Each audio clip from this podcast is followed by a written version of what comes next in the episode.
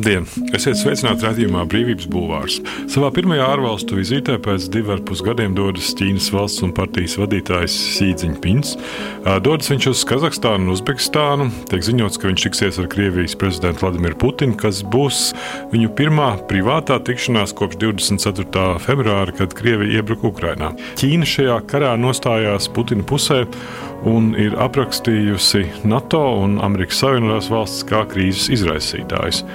Vai un kā karš Ukrainā maina un mainīs pasaules ģeopolitiku, un kas ir mazas valsts vieta, kad lielvaras veido spēli? Par to redzējumā Brīvības bulvārs saruna ar politoloģi Unu Aleksandru Bēziņu Čerenkovu, kur ir Ķīnas pētniece un Rīgas Stadeņu Universitātes Ķīnas studiju centra vadītāja. Sveiki! Sveicināti! Mēs pirms kāda laika raidījumā runājām ar valsts prezidenta padomnieku Jānu Kažociņu, kurš mums raidījumā teica, ka, ja Krievija var salīdzināt ar vētru, tad Ķīnu ar tādām globālām klimata pārmaiņām. Kas ir jūsuprāt tā Ķīnas ilgtermiņa bīstamība un cik lielā mērā šī metāfora patiešām ir precīza? Tā, protams, ir debata par to, kas ir Krievijas strateģiskais mērķis un kas ir Ķīnas strateģiskais ilgtermiņa mērķis. Bet, protams, eh, nu, mani kolēģi raksta un runā par to un debatē par to, ka uh, Krievijas gadījumā netiek piedāvāta tāda jauna starptautiskā arhitektūra. Ja? Pabakstīties šeit un tur, palaust, jo sliktāk, jo labāk pieeja. Tiešām vētra. Uh, Ķīnas lielais izaicinājums ilgtermiņā ir tāds, Ķīnas mums, ja, no rietumu pozīcijām skatoties, ir, ka Ķīna nav mierā ar esošo starptautisko sistēmu, vēlas to mainīt. Un tagad lielais jautājums ir, kā tā vēlas to mainīt. 2015. un 2016. gadā bija gana daudz uh, kolēģi, kuri rakstīja par to, ka Ķīna ir tāds miermīlīgais reformētājs. Mainīsim no iekšpuses, mazliet pastiepsim, uh, iestiepsim tur, kur varam, caur ANO, caur standartu jaunu standartu ieviešanu, kas ir Ķīnas standarti, nevis kā vēsturiski tur no rietumiem nākošie standarti. Bet um, Sīdžina retorikai varbūt pastiprinoties, kļūstot tādai drošākai, pārliecinātākai un arī agresīvākai, un arī Ķīnas darbībām, nu, teiksim, Dienvidķīnas jūrā. Ja, rodās sajūta, ka šajā spektrā, ko Ķīna mēģina ar starptautisko sistēmu izdarīt, tāds miermīlīgais reformētājs īsti nepaskaidro to, ko viņi grib. Un tāpēc par tādu Ķīnas strateģisku, objektīvu strateģisko mērķi mēs varam teikt, ka tā ir principā izveidot tādu starptautisko sistēmu, kura neuzskata vairs, ka liberālā demokrātija būtu kāda ideāla un vispietuvinātākā pārvaldības sistēma, bet kura, teiksim, tieši tādu pašu lomu piešķirtu uh, tādai leņķiskai sistēmai, Ķīnas kompartijas vadībā, kāda ir Ķīnā. Tātad te jau ir runa par. Nu, Tādu maigās varas realizāciju globālā līmenī. Uh, maigās vai asās vai mm. kādas savādākas, bet principā šeit pat nav varas realizācija ir viena lieta. Otra lieta ir mainīt noteikumus tā, ka Ļeņiniska sistēma ir nevis ak, vai ak, vai slikta sistēma, nu, bet labi, ja, lai viņi tur iekšēji dzīvojās, bet ka ļeņiniska sistēma ir standarts, uz kuru attīstības valstis varētu iet, lai sasniegtu šo attīstības mērķi. Ja? Un, ko tas nozīmē? Tas, protams, nozīmē arī kaut kādā veidā tādu rietumu loģikas, rietumu liberālās demokrātijas norietu. Un tāpēc mani kolēģi un, un arī nu, es kaut kādā mērā, cik nu es varu par tādām lielām, gudrām lietām spriest, bet tā mūsu pozīcija ir tāda, ka tas Ķīnas ilgtermiņa izaicinājums ir tāds, ka tā nonāk pretrunā ar mūsdienu liberālo sistēmu. Uzbekistānas pilsētā Samarkandā pagājušajā nedēļā notika Krievijas un Ķīnas Tautas Republikas prezidentu Vladimiru Putinu un Sīdziņa piņa tikšanās. Sarunas notika laikā, kad Krievija atrodas nopietnā starptautiskā izolācijā iebrukuma Ukrainā dēļ. Ķīnas prezidents Xi Jinpings tikšanās gaitā apliecināja Putinam, ka vēlas, lai Ķīna un Krievija strādātu kopā kā lielvaras. Pekina vēlas pielikt pūliņus, lai kopā ar Krieviju uzņemtos šo lielvaru lomu. Putins tikšanās reizē deklarēja, ka centieni radīt vienpolāru pasauli pēdējā laikā ieguvuši absolūti kroplīgu formu, un viņam ir absolūti nepieņemami. Viņš arī augstu novērtējis Ķīnas draugu līdzsvaroto pozīciju Ukraiņas krīzes jautājumā. Eksperti pēc šīs tikšanās izteicās, ka pēc šiem paziņojumiem grūti spriest par sarunu reālo gaitu. Cik lielā mērā šī Sī un Putina tikšanās ir ieslēdzis kaut kādu bīstamību. Es gribētu mazliet paušķēties lielvaras... par to, pa to apgalvojumu, ka Ķīna nostājas Krievijas pusē. Mēs varētu mazliet to tā, nu, tā pa, paslēņot. Jo, ja pēc uh, 24. februāra nu, Eiropas amatpersonas brīdināja Ķīnu, ja Ķīna atbalstīs Maskavas sākto karu, tas var negatīvi ietekmēt uh, Eiropas uh, Savienības un Ķīnas attiecības, tad izskatās, ka nu, šie brīdinājumi nav īpaši ņemti vērā. Ķīnas pozīcija ir mazliet sarežģītāka nekā vienkārši Krievijas atbalsts. Ķīna, protams, domā tikai un vienīgi par savām interesēm. Ķīnai nepārāk patika šis Krievijas eh, pilna apjoma iebrukums, absolūti zvērīgs eh, Ķīnas eh, strateģiskā partnera teritorijā. Tāpat laikā, protams, Ķīna nekādā gadījumā pretēji Borela aicinājumam nu nekad nenostātos rietumu pusē. Ja? To mēs nevaram sagaidīt no Ķīnas. Un tāpēc Ķīna izmantoja šo situāciju, Krievijas karu Ukrainā, lai pastiprinātu savu stāstu par ASV kā briesmīgo draudu, kā slikto hegemonu, kurš neļauj valstīm augt. Tādā veidā, protams, arī kopējot Krievijas ziņojumus ja, par NATO paplašināšanos kā par galveno kara izraisītāju. Tas Krievijas stāsts Ķīnas interesēm kalpo itin labi. Galu galā Ķīna ļoti vēlētos ierobežot ASV drošības arhitektūras Proti, izpausmes. Ķīna aizņēmās uh, Putina propagandas stāstu. Kā... Ķīna tieši tā šo, bet ne visus. Ja. Tur, kur Ķīnai tas der, tur tā Krieviju, protams, Krievijas stāstus kopēs un rādīs savā televīzijā un izmantos un arī atbalstīs. Uh, bet tur, kur Ķīnas mērķim tas nekalpo. Tur savukārt eh, Ķīna piebremzē. Kas ir taisnība? Mēs noteikti varam runāt par Ķīnas un Krievijas pakāpenisku tuvināšanos. Mēs varam tiešām piekrist gan Puķinam, gan Sī, kuri saka, ka šobrīd viņu attiecības ir nu, ārkārtīgi augstā līmenī, kā nekad agrāk. Ja, tik tiešām.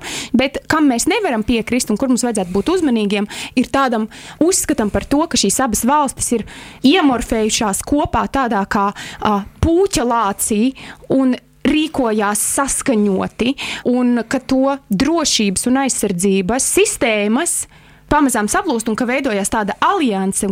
Tāpēc, ka Ķīnas interesēs nav pilnībā ieslodzīt sevi Krievijas pasaules skatā.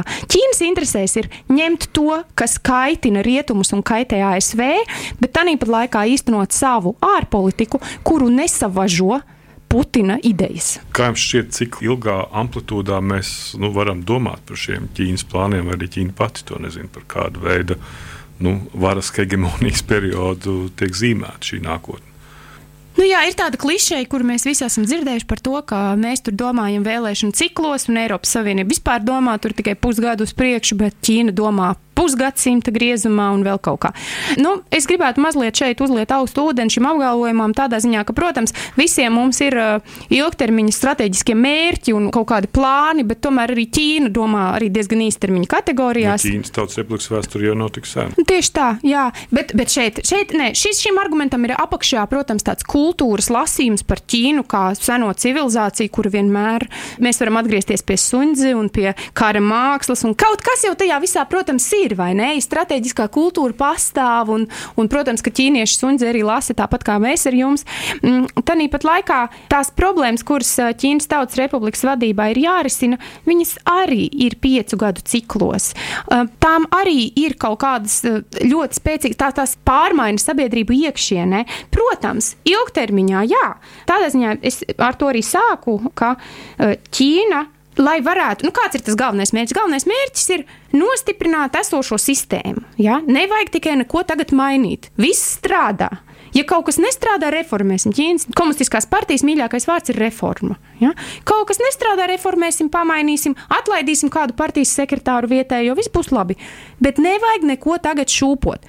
Un priekš tā, lai tas strādātu, Ķīnai vajag, lai starptautiski tiktu leģitimizēta. Nevis tikai mājās, bet starptautiski tiktu šis modelis leģitimizēts kā ļoti labs. Valsts un varbūt arī starptautiskās pārvaldības modelis, kurš ved pie attīstības, pārticības, sociālās solidaritātes, um, vērtībām kaut kādām tur savām, un tur tas risks. Lai varētu to nodrošināt iekšēji, Ķīnai ir jāspiežas ar vien vairāk ārēji.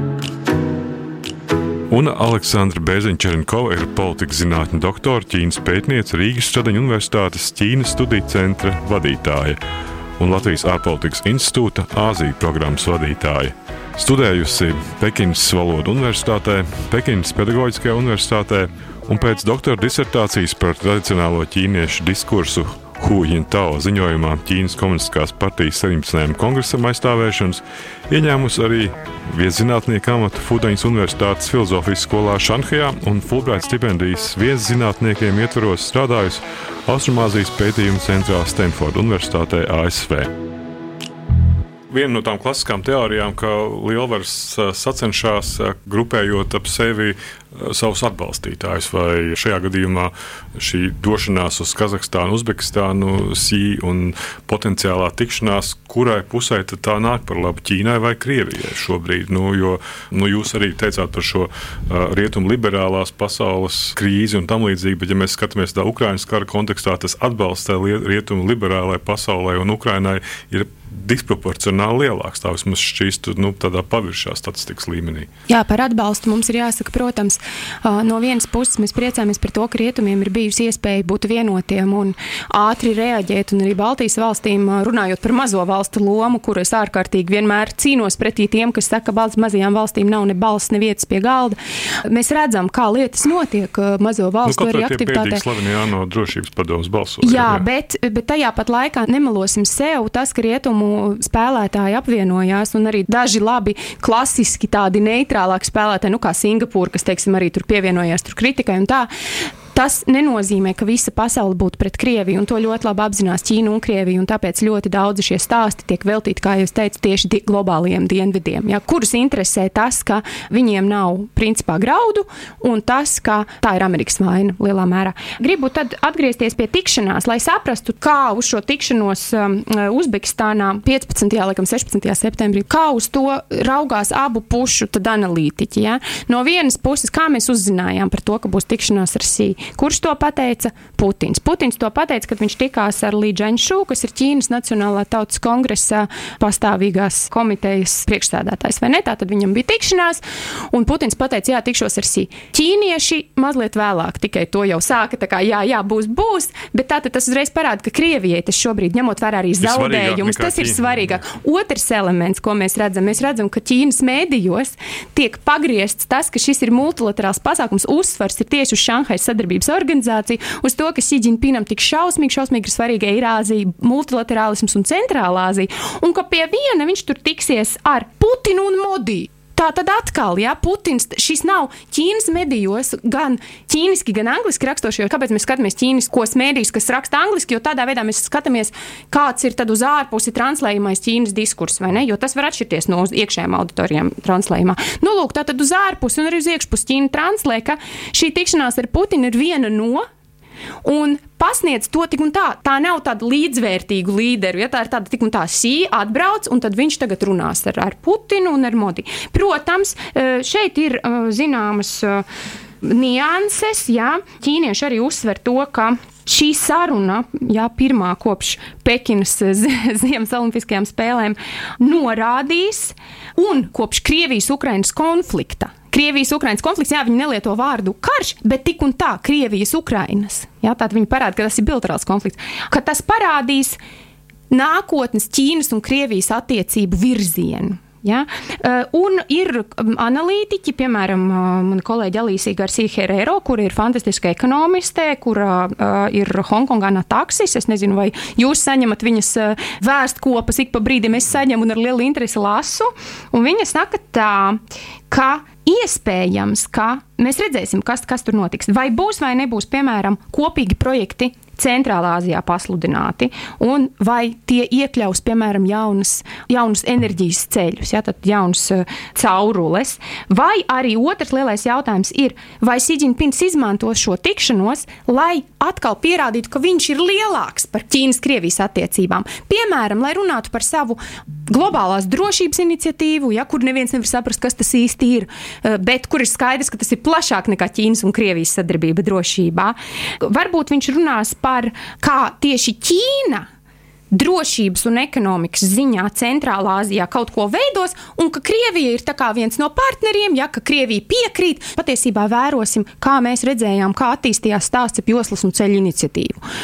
No vienas puses likās, ka Krievija atbalsta joslas un ceļu iniciatīvu, un Ķīna bezmazliet pasniedza, ka Krievija ir joslas un ceļu iniciatīvas biedra. Patiesībā Krievija nav. Jā, patiesībā Krievija spēlē savu spēli. Iespējams, ka šis būs tieši tāds pats gadījums. Un beigās, kā mēs šo tikšanos interpretēsim, būs atkarīgs no mūsu pārliecības. Ja mēs ticam, ka šīs valstis virzās tādā drošības pakta virzienā, nu tad tiešām mums būs gana daudz fotografiju, kas apliecinās līderu un valstu tuvību. Radījums Brīvības Bulvārs. Sarunas par to, kas notiek un ko mēs par to varam domāt. Šogad izdevniecībā Volts Scientific iznāca Unas Aleksandrs Bēziņš Čerenkovs grāmata Perfektais nelīdzsvars - Krieviņa un Ķīna.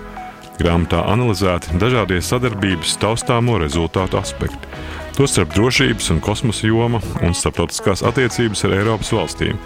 Visbeidzot, Una Bēziņa Čerenkova analizē Covid-19 pandēmijas ietekmi uz šīm attiecībām, izvērtējot iespējamos Ķīnas un Krievijas attiecību attīstības un izaugsmas rezultātus, meklējot šo perfekto nelīdzsvarotību. Tas ir pavisam lietišķs jēdziens, kurš datorspēļu izstrādes industrijā apzīmē situāciju, eh, kā tiek eh, risināta uh, tiešsaistes spēles gaitas galvenā problēma. Nu, kāda tad ir? Viena no, no nozīmīgām problēmām. Kāda tad tā dilemma ir? Jūs attīstat datorspēli, kuru spēlē tieši saistē, un skaidrs, ka spēlētājs, kurš spēlē ilgi. Šim spēlētājam ir gan labi ieroči, pieredze, kas tur vēl spēks, jā, kaut kādi priekšmeti salasīti, vēl viss kaut kas. Un tas pats par sevi ir stiprs spēlētājs. Nu, tad jautājums ir, Kā dabūt jaunus spēlētājus? Ir skaidrs, ka spēle strādā un aug un pelna tikai tik ilgi, kamēr jauni spēlētāji pievienojas. Kā dabūt viņus pievienoties? Ja jau ir jau vesela kaudze ar stipriem spēlētājiem, kas uzreiz šos jaunos, nepieredzējušos, vājos spēlētājus var uzvarēt, kur tad ir interese spēlēt, kur tad ir spēku samērs? Un tāpēc šis perfect imbalance nozīmē datorspēļu dizainā šādu pieeju, kad spēle tiek izveidota tā, ka pat vājākajam spēlētājam ir iespēja gūt virsroku pār stiprāko. Un stiprākajam savukārt, stiprākajam arī ir interesanti spēlēt, jo viņam vienmēr ir jāguļ ar vienu aci vaļā.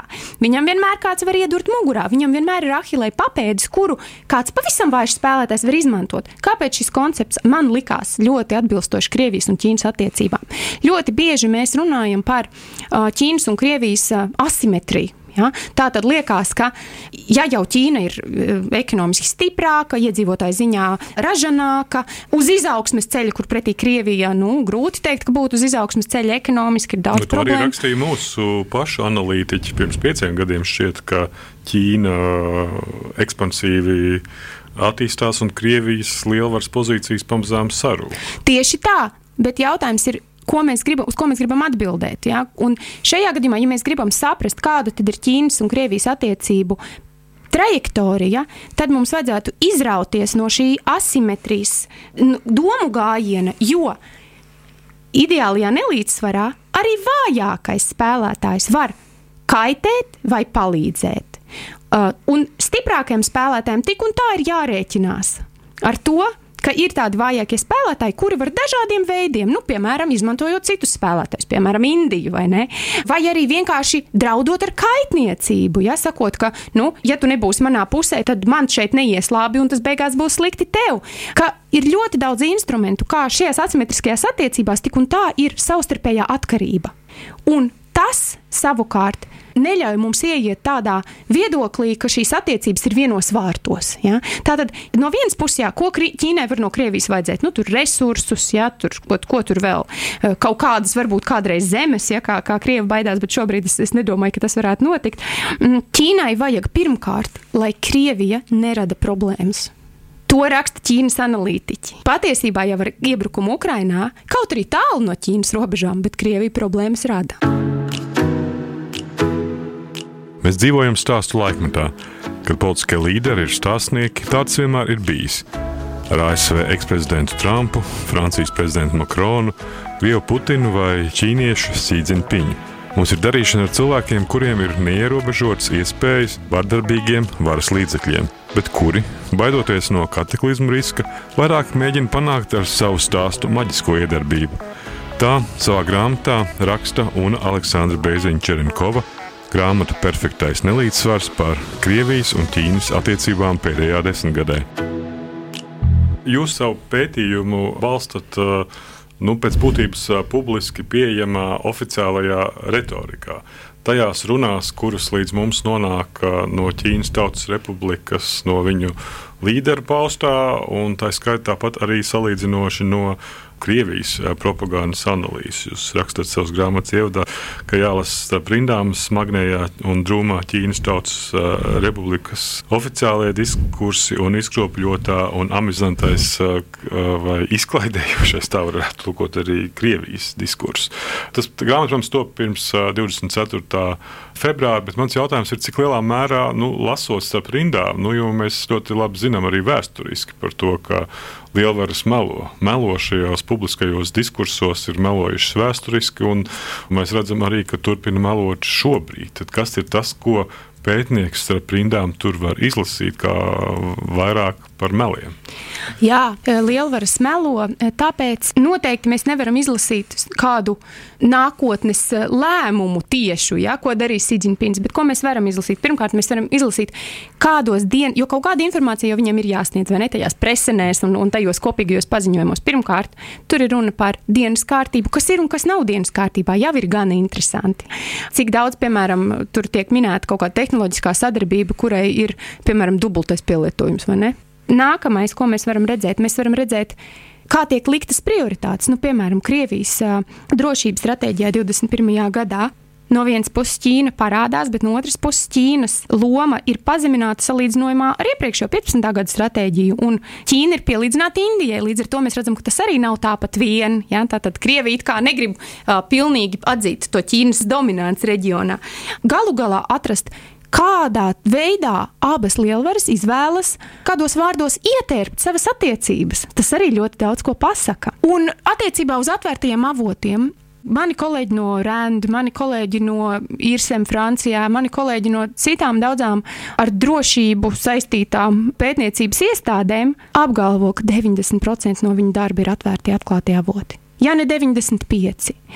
Patiesībā informācijas Tie ir ļoti daudz. Lasīt, Protams, tāpēc ka neviena komunikācija nenotiek vakumā. Propaganda tas ir viens, bet tāpēc mani mazāk interesē. Es neesmu no tiem, kas, kas var ilgi skatīties Solovjovu pa televizoru, tāpēc ka man paliek slikti un es nejūtu, ka es arī baigi daudz ko uzzinu. Ja? Ir cilvēki, kuri māca lasīt propagandu. Man ir grūtāk lasīt propagandu, man patīk lasīt oficiālos paziņojumus. Un, un Solovjovu var skatoties, lasot starp rindām. Es to mēģinu darīt, bet tā nav mana, teiksim, mūža mīlestība. Man mūža mīlestība ir lasīt oficiālos paziņojumus, un tos sastatīt, salīdzināt ar iepriekšējiem dokumentiem, skatīties, kas tur parādās, skatīties, kā tiek. Ķīnas Tautas Republikas tekstus. Protams, jā, tas, ka tur viss atkārtojas, un tas, ka valoda ir jāatkārtojas, tas atkal arī kaut kas tāds. Tātad tu skaties, jā, nē, tests parādās vai neparādās, ir vai nav. Ko es gribu teikt? Protams, mēs nevaram visu atkost par kādas valsts strateģiskajiem vai pat taktiskajiem mērķiem patiesībā, lasot oficiālos pieejamos materiālus.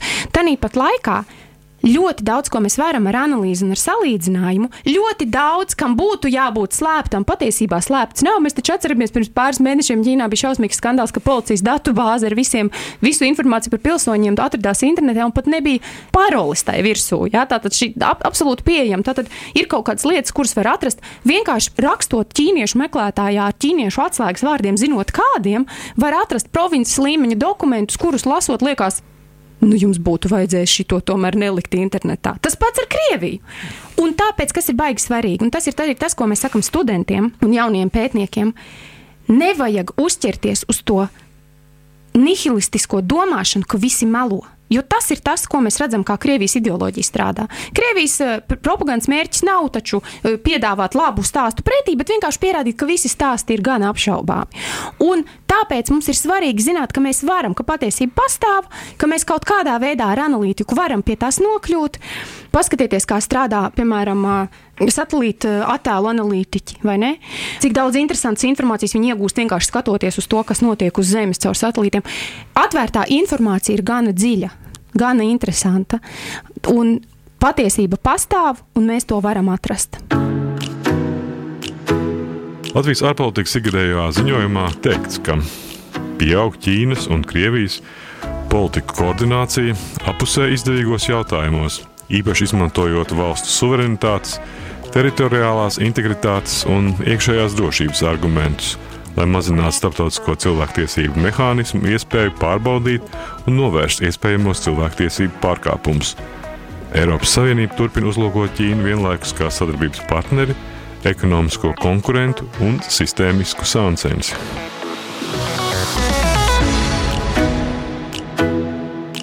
Vai kādā ziņā nu, Latvija ietilpst Ķīnas interešu lokā? Nu, ārpus uh, tā, ka mēs esam Eiropas Savienība un NATO dalībvalsts. Latvija sākumā ietilpa ķīniešu interešu lokā, sākot ar 2012. Nu, 11. un 12. gadu, kā daļa no šīs postsocialistiskās Eiropas, kurai tad varētu piedāvāt dienvidu-dienvidu sadarbību, kur atkal arī varētu audzēt kaut kādu solidaritāti, draudzību. Nevelti taču Ķīnas pārstāvjiem ierodoties Baltijas valstīs 2012. un 2013. apmēram to, to laiku, viens, kad 16 plus 1 tika veidots, tad tika teikts, ka mēs esam seni socialistiski draugi. Ja? Un skaidrs, ka Baltijas valstīs visiem atvērās mutes, jo nu, kāda mēs esam sociālistiski draugi. Mums jo, nebija ne attiecību, nekas. Ka 16 plus 1 bija Baltijas valsts, Balkānu valsts un tā dēvētais Višegrads četrnieks. Jā, no kurām tātad 11 Eiropas Savienības dalību valstis, 5 uh, nedalību valsts, un tad pievienojās Grieķija pēkšņi absolūti šizofrēniski 2019. gadā, laikam, ja likās ne, pilnīgi neskaidrs, kāpēc tas tā notiek. Tad vienu brīdi formāts bija 17 plus 1, un tad 2021. gadā Lietuva izstājās. Patiesībā mani kolēģi no ārpolitikas aprindām šausmīgi dusmojos, kad es saku izstājās, jo neviens nebija iestājies. Vienkārši bija uzaicināts, valsts, valsts sāka nākt, nu, līdz ar to Lietuva pateica skaļi, mēs vairāk nenāksim, negaidiet. Ja? To pašu izdarīja tagad Latvija un Igaunija, nu patās, bet uh, daudz mierīgākos toņos pateica, ziniet, ko mums šis nestrādā, mēs gribam ar Ķīnu vai nu bilaterāli, divpusēji, vai nu 27 plus 1 Eiropas Ķīnas sadarbības ietvaros. Ja? Atgriežoties pie jautājuma, vai Latvija ir Ķīnas interešu lokā, nu tad skaidrs, tad noformulējot mūsu kā daļu no šī reģiona, centrālās austrum Eiropas reģiona, tad Ķīnai bija doma, ko mēs tad varam tur izdarīt. Mēs tad varam piedāvāt šīs savas nu, nosacīt dienvidu, dienvidu sadarbības modeli. Mēs varam principā stiprināt savu klātbūtni, jo mēs par to, par tām Baltijas valstīm neko īsti nezinām. Ne mums kāds tajā valodā runā, divi cilvēki ārlietu ministrijā, laikam, kas latviešu kaut cik prot. Mūsu pusē viss ir ļoti labi. Mums visi, kas strādā ar Ķīnu ārlietu ministrijā, Ķīnas ļoti labi runā. Tātad tās intereses bija vienkārši parādīties, stiprināt savu klātbūtni, uzzināt par to, kā šeit lietas notiek un meklēt iespējas. Ja? Vispirms izveidojam institūciju, ietvaru, un tad skatāmies, kas šeit aug, ja? kā mēs šeit varam sadarboties.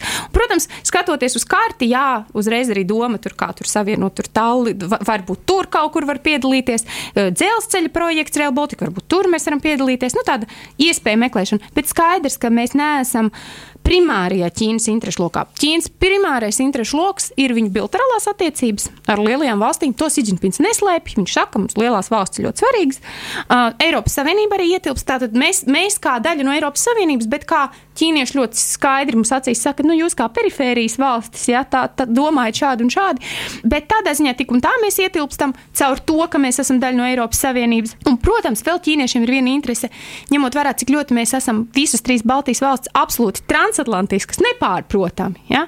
Klaipēdiešiem saka, osta ķīniešiem neatdosiet NATO osta. Viss. Klaipēdieši saka, visi ķīnieši nebūs jums NATO ostā nekādas iespējas attīstīties.